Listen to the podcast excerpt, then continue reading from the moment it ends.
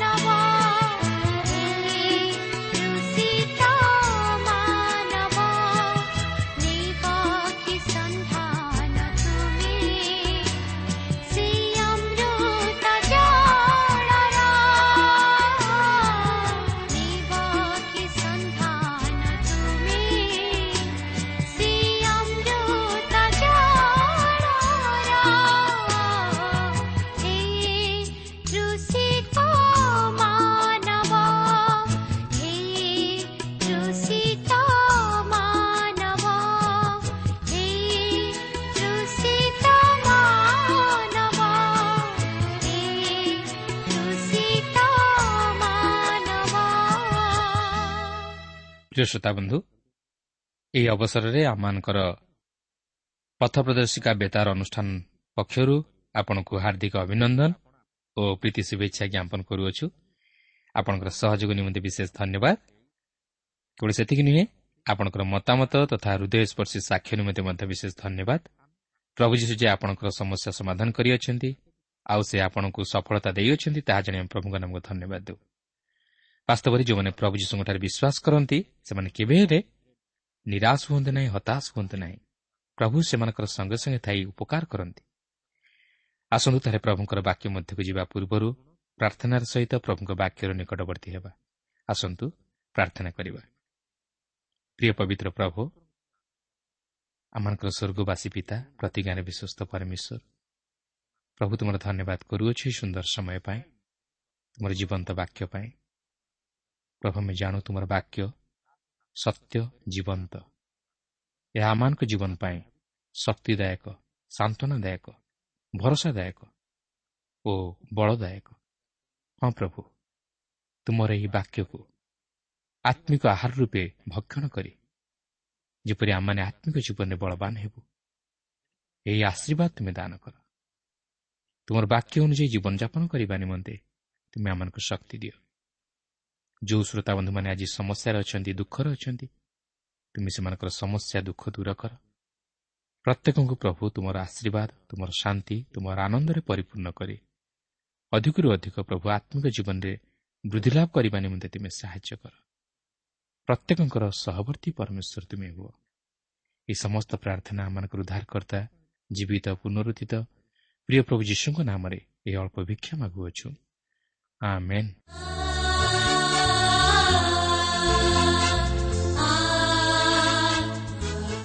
ଆସନ୍ତୁ ବର୍ତ୍ତମାନ ଆମେ ପ୍ରଭୁଙ୍କର ବାକ୍ୟ ମଧ୍ୟକୁ ଯିବା। ଆଜି ଆମେ ଦ୍ୱିତୀୟ ବିବରଣ ପୁସ୍ତକର ସତର ପର୍ବର ଆଠ ପଦରୁ ଆରମ୍ଭ କରି କୋଡ଼ିଏ ପଦ ପର୍ଯ୍ୟନ୍ତ ଅଧ୍ୟୟନ କରିବା ନିମନ୍ତେ ଯିବା। ତେବେ ଏଠାରେ ମୁଁ ଆପଣଙ୍କୁ କହି ରଖେ ଯେ ଆମେ ବର୍ତ୍ତମାନ ଶାସକମାନଙ୍କ ଅର୍ଥାତ୍ ବିଚାରକର୍ତ୍ତା ଯାଜକ ଓ ରାଜାମାନଙ୍କ ସମ୍ପର୍କରେ କିଛି ଆଲୋଚନା କରିବାକୁ ଯିବା।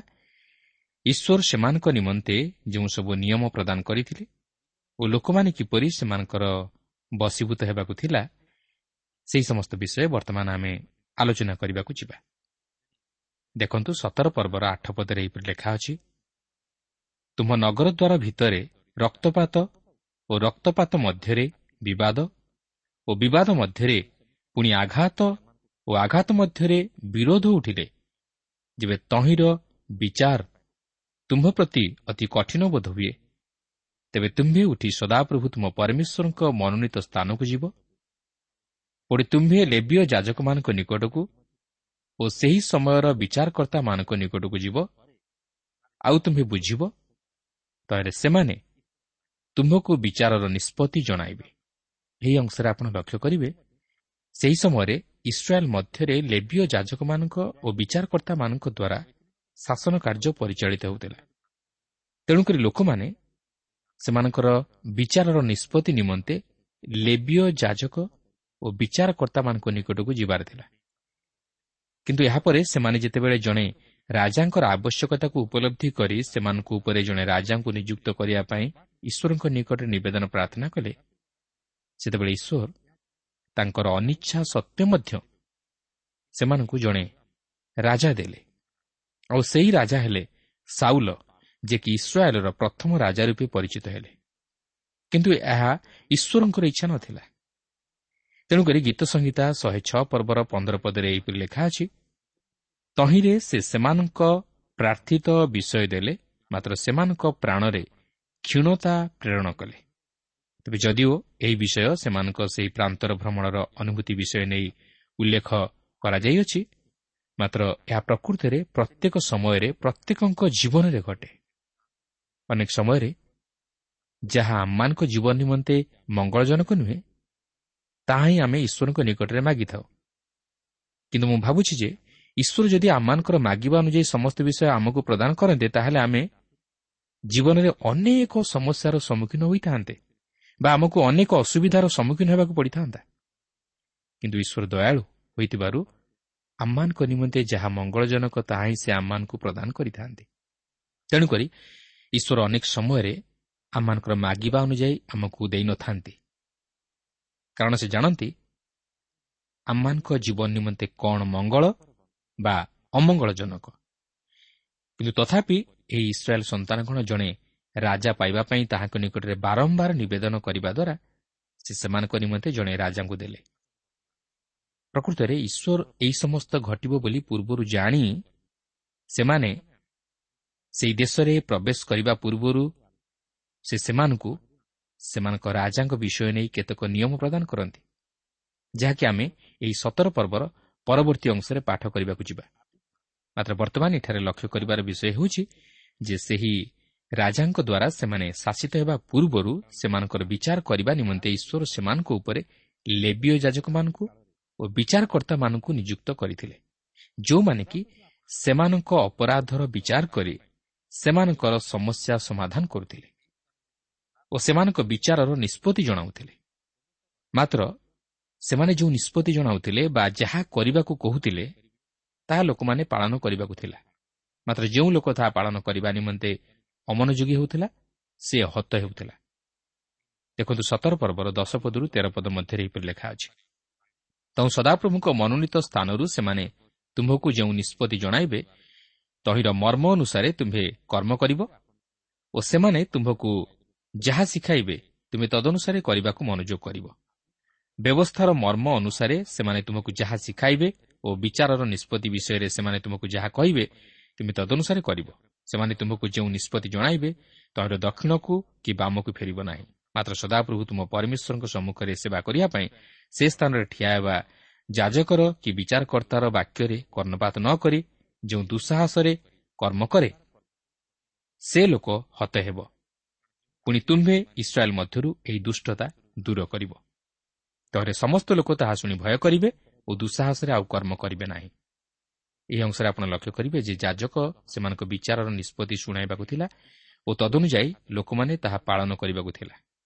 କାରଣ ଈଶ୍ୱରଙ୍କ ବ୍ୟବସ୍ଥା ପ୍ରତ୍ୟେକ ପରିସ୍ଥିତିକୁ ନେଇ ଦିଆଯାଇ ନଥିବାରୁ ଯଦି ସେହିପରି କୌଣସି ଏକ ବିଷୟ ନେଇ ପରସ୍ପର ମଧ୍ୟରେ ମତଭେଦ ସୃଷ୍ଟି ହେଉଥିଲା ତାହେଲେ ଯାଜକ ତହିଁର ନିଷ୍ପତ୍ତି କରିବାକୁ ଥିଲା ଓ ସେହି ନିଷ୍ପତ୍ତି ଅନୁଯାୟୀ ଲୋକମାନେ ବା ଅପରାଧୀ ତାହା ପାଳନ କରିବାକୁ ଥିଲା।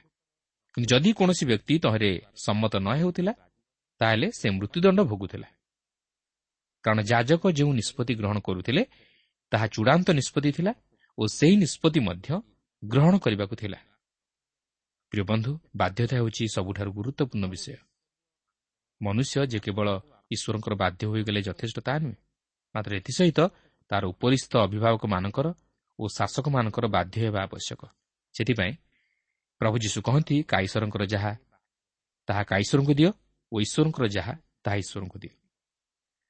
ଆଉ ସେଥିପାଇଁ ପ୍ରେରିତ ପାଉଲ ଏଫିସିଓ ଛଅ ପର୍ବର ପାଞ୍ଚ ପଦରେ ଏହିପରି ଉଲ୍ଲେଖ କରନ୍ତି ହେ ଦାସମାନେ ତୁମେମାନେ ଯେପରି ଖ୍ରୀଷ୍ଟଙ୍କର ଆଜ୍ଞାବହ ଅଟ ସେହିପରି ଭୟ ଓ କମ୍ପ ସହ ହୃଦୟର ସରଳତାରେ ତୁମମାନଙ୍କ ଜାଗତିକ କର୍ତ୍ତାମାନଙ୍କର ଆଜ୍ଞାବହ ହୁଅ। ତେଣୁ ପ୍ରିୟ ବନ୍ଧୁ ଈଶ୍ୱରଙ୍କର ଆଜ୍ଞାବହ ହେବା ସଙ୍ଗେ ସଙ୍ଗେ ନିଜ ନିଜ ଜାଗତିକ କର୍ତ୍ତାମାନଙ୍କର ଆଜ୍ଞାବହ ହେବା ଉଚିତ। ଯଦିଓ ସେଦିନ ଇସ୍ରାଏଲ୍ ସନ୍ତାନଗଣ ନିମନ୍ତେ ଈଶ୍ୱର ଏହିପରି ନିୟମ ପ୍ରଦାନ କରିଥିଲେ କିନ୍ତୁ ଆଜି ମଧ୍ୟ ଏହି ବାକ୍ୟ ଦ୍ୱାରା ଈଶ୍ୱର ଆମକୁ ଏହି ଶିକ୍ଷା ଦେବାକୁ ଚାହାନ୍ତି ଆମେ ଯେପରି ନିଜର ଜାଗତିକ କର୍ତ୍ତାମାନଙ୍କର ଆଜ୍ଞାବହ ହେଉ। ଆପଣ ଯେଉଁପରି କ୍ଷେତ୍ରରେ ରହି କାର୍ଯ୍ୟ କରନ୍ତୁ ନା କାହିଁକି ଆପଣ ନିଜର ଉପରିସ୍ଥ କର୍ମକର୍ତ୍ତାମାନଙ୍କର ତଥା ଅଭିଭାବକ ବା ଶାସକମାନଙ୍କର ଆଜ୍ଞାବହ ହେବା ଉଚିତ। ତଦ୍ୱାରା ଆପଣ ଈଶ୍ୱରଙ୍କ ଆଜ୍ଞାର ମଧ୍ୟ ବଶୀଭୂତ ହୋଇଅଛନ୍ତି ବୋଲି ଜଣାଯାଏ। ତେଣୁ କେବେ ହେଲେ ନିଜର ଉପରିସ୍ଥ ଶାସକମାନଙ୍କର ଅନାଜ୍ଞାବହ ହୁଅନ୍ତୁ ନାହିଁ କି ସେମାନଙ୍କ ନିଷ୍ପତ୍ତିରେ ଅମନୋଯୋଗୀ ହୁଅନ୍ତୁ ନାହିଁ। ମାତ୍ର ତାହା ପାଳନ କରିବା ନିମନ୍ତେ ଚେଷ୍ଟା କରନ୍ତୁ। ତଦ୍ୱାରା ଆପଣ ଈଶ୍ୱରଙ୍କ ଆଶୀର୍ବାଦର ଅଧିକାରୀ ହୋଇପାରିବେ। ଆସନ୍ତୁ ଏହାପରେ ଜଣେ ରାଜାଙ୍କ ବିଷୟ ନେଇ କିପରି ଈଶ୍ୱର ନିୟମ ପ୍ରଦାନ କରନ୍ତି ତାହା ଦେଖିବା। କାରଣ ଈଶ୍ୱର ଜାଣିଥିଲେ ଯେ ଦିନ ଆସିବ ସେମାନେ ଅନ୍ୟ ଜାତି ପରି ଜଣେ ରାଜାଙ୍କୁ ଚାହିଁବେ। ତେଣୁକରି ସେ ତହିଁ ପୂର୍ବରୁ ସେହି ରାଜାଙ୍କ ବିଷୟ ନେଇ କେତେକ ନିୟମ ପ୍ରଦାନ କରନ୍ତି ଯେପରି ସେମାନେ ଯେତେବେଳେ ସେହିପରି ପରିସ୍ଥିତିର ସମ୍ମୁଖୀନ ହେବେ ସେତେବେଳେ ସେମାନେ ଏହି ନିୟମ ଅନୁଯାୟୀ ସେମାନଙ୍କ ଉପରେ ଜଣେ ରାଜାଙ୍କୁ ନିଯୁକ୍ତ କରିବେ। ତେବେ ଈଶ୍ୱର କହନ୍ତି ସେହି ରାଜା ସେମାନଙ୍କ ଗୋଷ୍ଠୀ ମଧ୍ୟରୁ ହିଁ ନିଯୁକ୍ତ ହେବେ। ମାତ୍ର କୌଣସି ବିଦେଶୀୟଙ୍କୁ ସେମାନେ ରାଜପଦରେ ଅଭିଷେକ କରିବେ ନାହିଁ। ଦେଖନ୍ତୁ ସତର ପର୍ବର ଚଉଦ ଓ ପନ୍ଦର ପଦରେ ଲେଖା ଅଛି।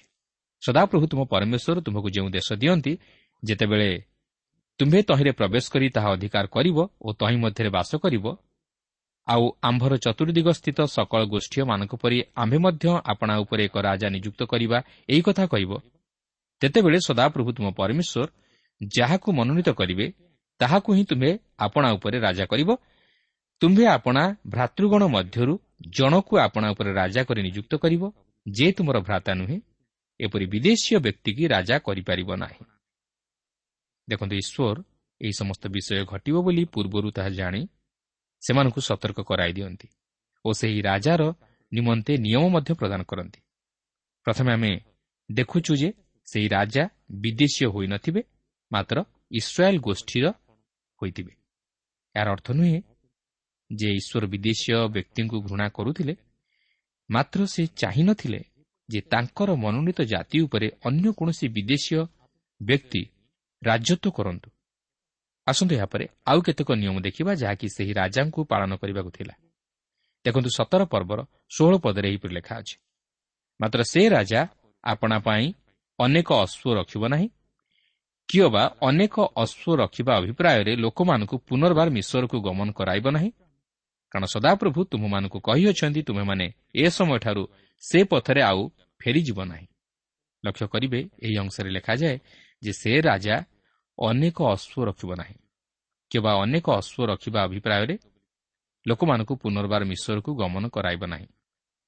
ତେବେ ଆପଣ ଜାଣିଛନ୍ତି କେଉଁ ରାଜା ଅନେକ ଅଶ୍ୱ ରଖିଥିଲେ ଓ ମିଶ୍ର ସହିତ ଅଶ୍ୱ ବ୍ୟବସାୟ କରିବା ନିମନ୍ତେ ସମ୍ପର୍କ ସ୍ଥାପନ କରିଥିଲେ? ସେ ହେଉଛନ୍ତି ଜ୍ଞାନୀ ରାଜା ସଲୋମନ ଯିଏକି ଇସ୍ରାଏଲ୍ର ତୃତୀୟ ରାଜା ଥିଲେ। ଆପଣ ପ୍ରଥମ ରାଜା ଭଳି ଦଶ ପର୍ବର ଛବିଶରୁ ଅଣତିରିଶ ପଦ ମଧ୍ୟରେ ପାଠ କଲେ ଜାଣିପାରିବେ ଯେ ରାଜା ସଲମନଙ୍କର ଏକ ହଜାର ଚାରିଶହ ରଥ ଓ ବାର ହଜାର ଅଶ୍ୱାରୋହୀ ଥିଲେ ଓ ସେ ଏଥିନିମନ୍ତେ ମିଶ୍ର ଦେଶ ସହିତ ସମ୍ପର୍କ ସ୍ଥାପନ କରିଥିଲେ। କାରଣ ସେ ମିଶ୍ର ସହିତ ରଥ ଓ ଅଶ୍ୱ ବ୍ୟବସାୟ କରିବା ନିମନ୍ତେ ତାହା ସହିତ ସମ୍ପର୍କ ରଖିଥିଲେ ଯାହାକି ଈଶ୍ୱରଙ୍କର ଆଜ୍ଞା ବିରୁଦ୍ଧ କାର୍ଯ୍ୟ ଥିଲା। ତେବେ ପ୍ରଶ୍ନ ଉଠେ ଯେ ଈଶ୍ୱର କାହିଁକି ଏହିପରି ନିୟମ କରିଥିଲେ ଯେ ଇସ୍ରାଏଲ୍ ମଧ୍ୟରେ ଯେଉଁ ବ୍ୟକ୍ତି ରାଜା ହେବ ସେ ଅନେକ ଅଶ୍ୱ ରଖିବ ନାହିଁ କି ମିଶ୍ର ସହିତ ସମ୍ପର୍କ ରଖିବ ନାହିଁ? ଏହାର କାରଣ ହେଉଛି ଈଶ୍ୱର ଚାହିଁନଥିଲେ ଯେ ତାହାଙ୍କର ଲୋକମାନେ ଅନ୍ୟ କାହା ଉପରେ ନିର୍ଭର କରନ୍ତୁ ବୋଲି। ମାତ୍ର କେବଳ ତାହାଙ୍କ ଉପରେ ନିର୍ଭର କରନ୍ତୁ ଓ ତାହାଙ୍କର ଆଜ୍ଞାବହ ହୁଅନ୍ତୁ। ଓ ସେ ମଧ୍ୟ ଚାହିଁନଥିଲେ ଯେ ଯେଉଁ ମିଶ୍ର ଦେଶର ଦାସତ୍ୱ ବନ୍ଧନରୁ ସେ ଆପଣା ମନୋନୀତ ଜାତି ଇସ୍ରାଏଲ୍କୁ ଉଦ୍ଧାର କରି ଆଣିଲେ ସେହି ମିଶ୍ର ଦେଶକୁ ଯାଇ ସେମାନେ ପୁନର୍ବାର ଯେପରି ଦାସତ୍ୱ ବନ୍ଧନରେ ବାନ୍ଧି ନ ହୁଅନ୍ତୁ। ତେଣୁକରି ଈଶ୍ୱର ପରିଷ୍କାର ଭାବେ ଜଣାଇ ଦିଅନ୍ତି ଯେ ସେମାନେ ସେହି ଅଶ୍ୱ ଉପରେ ନିର୍ଭର କରି ଅନେକ ଅଶ୍ୱ ରଖିବା ଅଭିପ୍ରାୟରେ ଯେପରି ପୁନର୍ବାର ମିଶ୍ରକୁ ଗମନ ନ କରନ୍ତି। ଆପଣ ଜାଣିଥିବେ ଯେ ସାଧାରଣତଃ ଅଶ୍ୱ ଯୁଦ୍ଧ ନିମନ୍ତେ ବ୍ୟବହାର କରାଯାଉଥିଲା। ଓ ରାଜାମାନେ ଅଶ୍ୱ ଉପରେ ଚଢ଼ି ଯୁଦ୍ଧ କରିବାକୁ ଯାଉଥିଲେ। କିନ୍ତୁ ଈଶ୍ୱର କହନ୍ତି ଯେ ସେହି ରାଜା ଅନେକ ଅଶ୍ୱ ରଖିବ ନାହିଁ। ଅର୍ଥାତ୍ ସେ କହିବାକୁ ଚାହାନ୍ତି ଯେ ସେହି ରାଜା ଯେପରି ଅଶ୍ୱ ଉପରେ ନିର୍ଭର ନ କରି ଈଶ୍ୱରଙ୍କ ଉପରେ ନିର୍ଭର କରେ। କାରଣ ପବିତ୍ର ବାଇବଲ ପ୍ରକାଶ କରେ ଯାହାକି ଗୀତ ସଂହିତା ତେତିଶ ପର୍ବର ସତର ପଦରେ ଲେଖା ଅଛି ରକ୍ଷାର୍ଥେ ଅଶ୍ୱ ମିଥ୍ୟା କିମ୍ବା ସେ ଆପଣା ମହାବଳ ଦ୍ୱାରା କାହାକୁ ରକ୍ଷା କରିପାରିବ ନାହିଁ। ପ୍ରକୃତରେ ଈଶ୍ୱର ଚାହିଁନଥିଲେ ଯେ ତାଙ୍କର ଲୋକମାନେ ଅଶ୍ୱଗଣ ଉପରେ ନିର୍ଭର କରି ପତିତ ହୁଅନ୍ତୁ ବୋଲି ଓ ମିଶ୍ର ସହିତ ପୁନର୍ବାର ସମ୍ପର୍କ ସ୍ଥାପନ କରନ୍ତୁ ବୋଲି। କାରଣ ସେ ସେମାନଙ୍କୁ ମିଶ୍ରର ଦାସତ୍ୱ ବନ୍ଧନରୁ ମୁକୁଳାଇ ଆଣିଥିଲେ। ପ୍ରିୟ ବନ୍ଧୁ ଆଜି ହୁଏତ ଆମେ ଅଶ୍ୱ ରଖୁନାହୁଁ ବା ସେଥି ନିମନ୍ତେ ଆମେ ମିଶ୍ର ସହିତ ସମ୍ପର୍କ ରଖୁନାହୁଁ।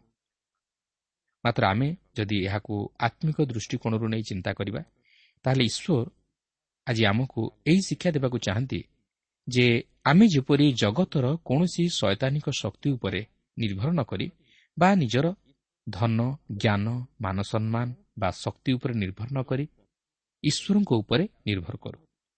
କାରଣ ଯଦି ଈଶ୍ୱରଙ୍କ ବ୍ୟତୀତ ଆମେ ଅନ୍ୟ କୌଣସି ବିଷୟ ଉପରେ ନିର୍ଭର କରୁ ତାହେଲେ ଆମେ ନିଶ୍ଚୟ ପାପରେ ପତିତ ହେବା ଓ ଶୟତାନ ଏହାର ସୁଯୋଗ ନେଇ ଆମକୁ ପାପରେ ପତିତ କରାଇବ।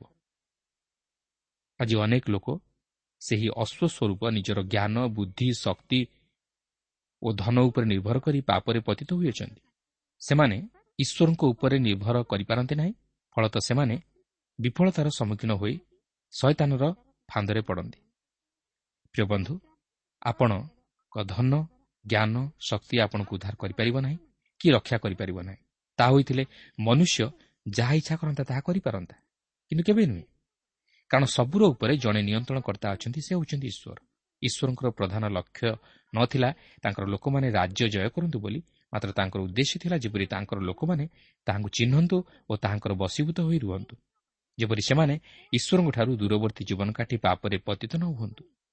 ଆଜି ମଧ୍ୟ ଈଶ୍ୱର ଆମମାନଙ୍କୁ ପାପରୁ ଉଦ୍ଧାର କରିବା ନିମନ୍ତେ ଏକ ଯୋଜନା ପ୍ରସ୍ତୁତ କରି ତାଙ୍କର ସେହି ଅଦ୍ୱିତୀୟ ପୁତ୍ର ପ୍ରଭୁ ଯୀଶୁଖ୍ରୀଷ୍ଟଙ୍କ ଦ୍ୱାରା ଆମମାନଙ୍କ ନିମନ୍ତେ ଉଦ୍ଧାରର କାର୍ଯ୍ୟ ସାଧନ କରିଅଛନ୍ତି। କିନ୍ତୁ ସେ ଚାହାନ୍ତି ଆମେ ଯେପରି ସେହି ଯୀଶୁଖ୍ରୀଷ୍ଟଙ୍କଠାରେ ବିଶ୍ୱାସ କରି ପାପରୁ ଉଦ୍ଧାର ପାଇ ଈଶ୍ୱରଙ୍କର ନିକଟବର୍ତ୍ତୀ ହେଉ। ସେଥିପାଇଁ ଗାଲାତୀୟ ପାଞ୍ଚ ପର୍ବର ପ୍ରଥମ ପଦରେ ଏହିପରି ଲେଖା ଅଛି ସ୍ୱାଧୀନତା ନିମନ୍ତେ ଖ୍ରୀଷ୍ଟ ଆମମାନଙ୍କୁ ମୁକ୍ତ କରିଅଛନ୍ତି ଅତଏବ ସ୍ଥିର ହୋଇ ରୁହ ଏବଂ ଦାସତ୍ୱ ଜୁଆଳିରେ ଆଉଥରେ ଯୋଚା ନ ଯାଅ। ତେଣୁ ସେହି ଯୀଶୁଖ୍ରୀଷ୍ଟଙ୍କଠାରେ ବିଶ୍ୱାସ କରି ପାପର ବନ୍ଧନରୁ ମୁକ୍ତି ଲାଭ କରିବା ନିମନ୍ତେ ଚେଷ୍ଟା କରନ୍ତୁ ମାତ୍ର ଜଗତର କୌଣସି ଶକ୍ତି ଉପରେ ନିର୍ଭର କରି ଅଧିକରୁ ଅଧିକ ପାପରେ ପତିତ ନ ହୁଅନ୍ତୁ। ଏହାପରେ ସତର ପଦରେ ଆଉ ଏକ ନିୟମ ଉଲ୍ଲେଖ କରାଯାଏ। କିଏ ବା ସେ ଅନେକ ସ୍ତ୍ରୀ ବିବାହ କରିବ ନାହିଁ କଲେ ତାହାର ହୃଦୟ ବିପଦଗାମୀ ହେବ ଅଥବା ସେ ଆପଣା ପାଇଁ ରୂପା କି ସୁନା ଅତିଶୟ ବଢ଼ାଇବ ନାହିଁ। କହିପାରିବେ କେଉଁ ରାଜାଙ୍କର ଅନେକ ସ୍ତ୍ରୀ ଥିଲେ ଓ ସେ ସୁନା ରୂପାରେ ଅତିଶୟ ଧନବାନ ଥିଲେ? ସେହି ଜ୍ଞାନୀ ରାଜା ସଲୋମନ। ଆପଣ ପ୍ରଥମ ରାଜାବଳୀ ପୁସ୍ତକର ଏଗାର ପର୍ବର ତିନି ପଦରୁ ଆଠ ପଦ ମଧ୍ୟରେ ପାଠ କଲେ ଜାଣିପାରିବେ ଯେ ତାହାଙ୍କର ସାତଶହ ରାଜପତ୍ନୀ ଓ ତିନିଶହ ଉପପତ୍ନୀ ଥିଲେ। ଆଉ ତାହାଙ୍କର ପତ୍ନୀମାନେ ତାଙ୍କର ମନକୁ ବିପଦଗାମୀ କଲେ। କାରଣ ତାହାଙ୍କର ପତ୍ନୀମାନେ ଅନ୍ୟ ଦେବଗଣ ପ୍ରତି ତାହାଙ୍କର ମନକୁ ବିପଦଗାମୀ କଲେ। ତାଛଡ଼ା ସେ ମଧ୍ୟ ସୁନା ଓ ରୂପାରେ ଅତିଶୟ ଧନବାନ ଥିଲେ। କାରଣ ତାହାଙ୍କ ପରି ଧନୀ ବା ଜ୍ଞାନୀ ରାଜା କେହି ନଥିଲେ କି ହୋଇ ମଧ୍ୟ ନାହାନ୍ତି। କିନ୍ତୁ ସେ ମଧ୍ୟ ଈଶ୍ୱରଙ୍କର ଆଜ୍ଞାବହ ହୋଇ ରହିପାରିଲେ ନାହିଁ। ପ୍ରିୟ ବନ୍ଧୁ ଆଜି ହୁଏତ ଆମେ ତାହାଙ୍କ ପରି ଅନେକ ସ୍ତ୍ରୀ ରଖୁନାହୁଁ। କି ରଖିବା ନିମନ୍ତେ ଆମର ସମ୍ବଳ ନାହିଁ। କିନ୍ତୁ ଯଦି ଆମେ ଏହାକୁ ଆତ୍ମିକ ଦୃଷ୍ଟିକୋଣରୁ ନେଇ ଚିନ୍ତା କରିବା ତାହେଲେ ଆମେ ଜାଣିପାରିବା ଯେ ରାଜା ସଲମନ ସିନା ଏକ ହଜାର ସ୍ତ୍ରୀ ରଖିଥିଲେ ମାତ୍ର ଆମେ ଦଶ ହଜାର ସ୍ତ୍ରୀ ରଖିଅଛୁ।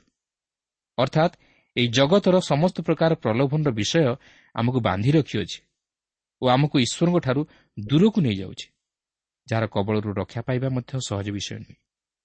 ଉଦାହରଣ ସ୍ୱରୂପ ଧରି ନିଅନ୍ତୁ ଟେଲିଭିଜନ। ଏହା ଆଜି ମଣିଷକୁ ଏତେ ଦୂର ପାଗଳ କରିଦେଇଛି ଯେ ଟେଲିଭିଜନ ବିନା ବଞ୍ଚି ରହିବା ମଧ୍ୟ ଅସମ୍ଭବ ହୋଇପଡ଼ୁଛି ଯାହାର ପ୍ରଭାବରେ ଆଜି ପିଲାଠାରୁ ବୃଦ୍ଧ ପର୍ଯ୍ୟନ୍ତ ସମସ୍ତେ ବିପଥରେ ଗମନ କରୁଅଛନ୍ତି। ମାତ୍ର ଈଶ୍ୱର କହନ୍ତି ସେଥିରୁ ପୃଥକ ରହିବା ନିମନ୍ତେ। ଯେପରି ଆମେ ଜଗତର ପ୍ରାଚୁର୍ଯ୍ୟତା ମଧ୍ୟରେ ବୁଡ଼ି ରହି ଈଶ୍ୱରଙ୍କଠାରୁ ଦୂରବର୍ତ୍ତୀ ଜୀବନ ନ କାଟୁ। ଏହାପରେ ଏହି ସତର ପର୍ବର ଅଠର ପଦରୁ କୋଡ଼ିଏ ପଦ ମଧ୍ୟରେ ଲେଖା ଅଛି ଯେ ସେହି ରାଜା ଈଶ୍ୱରଙ୍କ ବ୍ୟବସ୍ଥା ଅନୁଯାୟୀ ଜୀବନଯାପନ କରିବ। ଅର୍ଥାତ୍ ଈଶ୍ୱରଙ୍କ ବାକ୍ୟକୁ ପାଠ କରିବା ସଙ୍ଗେ ସଙ୍ଗେ ସେହି ବ୍ୟବସ୍ଥାର ସମସ୍ତ ବାକ୍ୟ ଓ ବିଧି ପାଳନ କରିବ। କିନ୍ତୁ ଦୁଃଖର ବିଷୟ ରାଜା ସଲମନ ତାହା ପାଳନ କରିବାରେ ବିଫଳ ହେଲେ। କିନ୍ତୁ ସେ ଯେତେବେଳେ ତାହା ହୃଦୟଙ୍ଗମ କଲେ ସେତେବେଳେ ସେ ଜାଣିବାକୁ ପାରିଲେ ଯେ ବାସ୍ତବରେ ଏହି ସମସ୍ତ ବିଷୟ ଅସାର। ଜଗତରେ ସମସ୍ତ ବିଷୟ ଅସାର। ତେଣୁକରି ସେ କହନ୍ତି ଅସାରର ଅସାର ଅସାରର ଅସାର ସକଳ ହିଁ ଅସାର। ମାତ୍ର ସାର କ'ଣ? ସେହି ସାର କ'ଣ? ତାହା ସେ ନିଜେ ପ୍ରକାଶ କରନ୍ତି ଯାହାକି ଉପଦେଶକ ବାର ପର୍ବର ତେର ପଦରେ ଲେଖା ଅଛି। ସାର କଥା ଏହି ସବୁ ଶୁଣାଯାଇଅଛି ପରମେଶ୍ୱରଙ୍କୁ ଭୟ କର ଓ ତାହାଙ୍କର ଆଜ୍ଞା ସବୁ ପାଳନ କର। କାରଣ ଏହା ହିଁ ମନୁଷ୍ୟର ପୂର୍ଣ୍ଣ କର୍ତ୍ତବ୍ୟ କର୍ମ। ତେଣୁ ଆପଣ ଦେଖନ୍ତୁ ଈଶ୍ୱର ଏହି ସମସ୍ତ ଘଟିବା ପୂର୍ବରୁ ତାଙ୍କର ଲୋକମାନଙ୍କୁ ସତର୍କ କରାଇ ଦେଇଥିଲେ ଓ ନିୟମ ମଧ୍ୟ ପ୍ରଦାନ କରିଥିଲେ ଯେପରି ସେମାନେ ଈଶ୍ୱରଙ୍କ ବିରୁଦ୍ଧାଚରଣ କାର୍ଯ୍ୟ ନ କରି ପାପରେ ପତିତ ନ ହୁଅନ୍ତି। ପ୍ରିୟ ବନ୍ଧୁ ଆପଣ ନିଜକୁ ପ୍ରଶ୍ନ କରନ୍ତୁ ଯେ ବାସ୍ତବରେ ଆଜି ଆପଣଙ୍କର ନିର୍ଭରତା କାହା ଉପରେ ଅଛି? ଓ ଆପଣ ଆଜି କାହାର ସେବା କରନ୍ତି? ମାତ୍ର ଈଶ୍ୱର ଚାହାନ୍ତି ଆପଣ ଯେପରି ଯୀଶୁଖ୍ରୀଷ୍ଟଙ୍କଠାରେ ବିଶ୍ୱାସ କରି ପାପର ବନ୍ଧନରୁ ମୁକ୍ତ ହୋଇ ଈଶ୍ୱରଙ୍କର ନିକଟବର୍ତ୍ତୀ ହୋଇ ତାହାଙ୍କ ସହ ସହଭାଗିତା ସ୍ଥାପନ କରନ୍ତୁ। ତେବେ ଆଜି ପାଇଁ ଏହିଠାରେ ଏହି କାର୍ଯ୍ୟକ୍ରମ ସ୍ଥଗିତ ରଖିବା। ଈଶ୍ୱର ଆପଣଙ୍କର ସହବର୍ତ୍ତୀ ହୁଅନ୍ତୁ।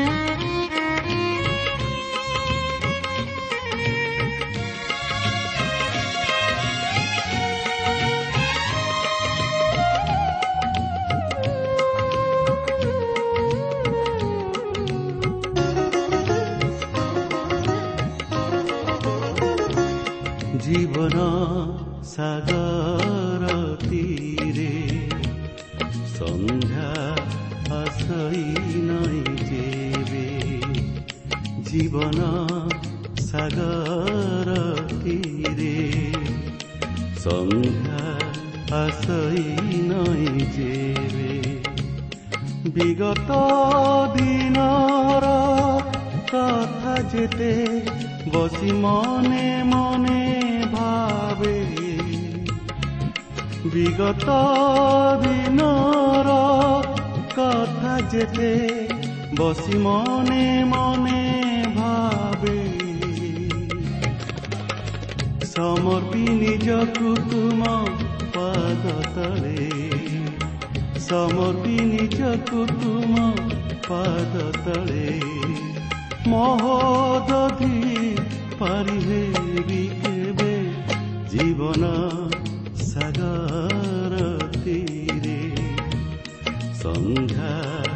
ଆଶଇ ନଇଁ ଯେବେ ଜୀବନ ସାଗର ତୀରେ ସମ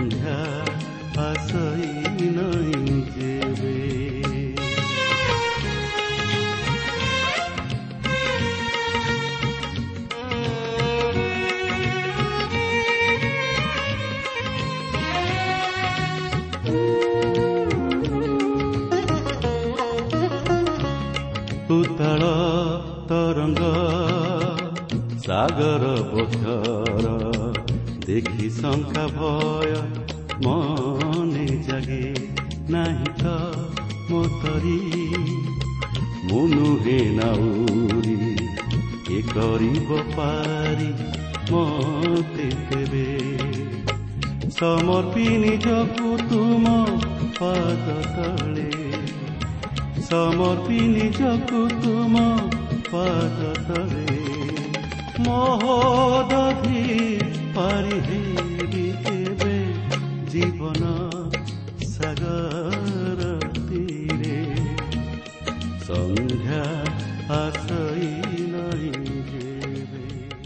প্রিয় শ্রোতা আমার কার্যক্রম নিয়মিত শুণুবু অশেষ ধন্যবাদ আপনার এই কার্যক্রম শুণবা দ্বারা আত্মিক জীবনের উপকৃত হয়ে পারিবে বলে আমার বিশ্বাস আছে ପ୍ରଭୁ ଯୀଶୁଙ୍କ ବିଷୟରେ ଅଧିକ ଜାଣିବାର ଆଗ୍ରହ ଥିଲେ ଅଥବା ଉପାଦେୟ ପୁସ୍ତକର ଆବଶ୍ୟକ ଥିଲେ ଆମ ସହ ଯୋଗାଯୋଗ କରନ୍ତୁ। ଆମର ଠିକଣା ପଥ ପ୍ରଦର୍ଶିକା Trans World Radio India post box number ତିନି ତିନି ଭୁବନେଶ୍ୱର ସାତ ପାଞ୍ଚ ଏକ ଶୂନ ଶୂନ ଏକ। Mobile number nine seven double seven double two one four one five. ଠିକଣାଟି ଆଉଥରେ ଶୁଣନ୍ତୁ।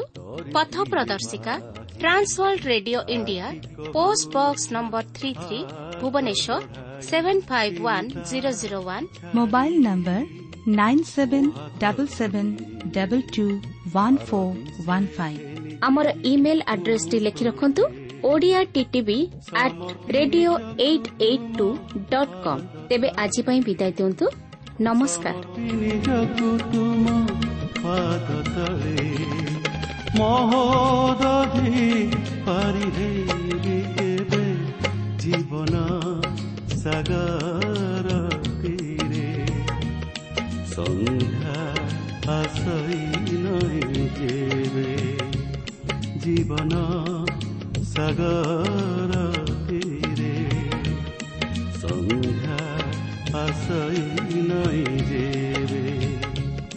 বিগত দিনৰ কথা যেতে বসি মনে মনে ভাবে। বিগত দিনৰ কথা যেতে বসি মনে মনে ভাবে। সমপি নিজকু তোমাৰ সমৰ্পিনিজকো তোমাক পাততৰে মহি পাৰিহে জীৱনৰ